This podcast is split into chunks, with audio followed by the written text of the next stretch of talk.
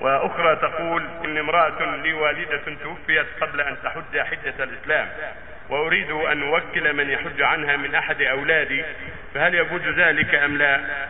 نعم نعم إذا مات الرجل أو المرأة قبل الحج فحج عنه أهله بنته أو ابنه أو أحد أقاربه أو غيرهم أو استنابوا من يحج عنه من أهل الخير كل هذا طيب وسئل النبي عن ذلك عليه الصلاة والسلام فاجاب سأله انسان قال إن أبي مات وعليه حج في الإسلام. قال حج عنه قال نعم. حج على بك واعتمر وامرأة سألت وقالت إن أبي شيخ كبير. لا يفوت على الراهب فحج عن قال حج عن أبيك.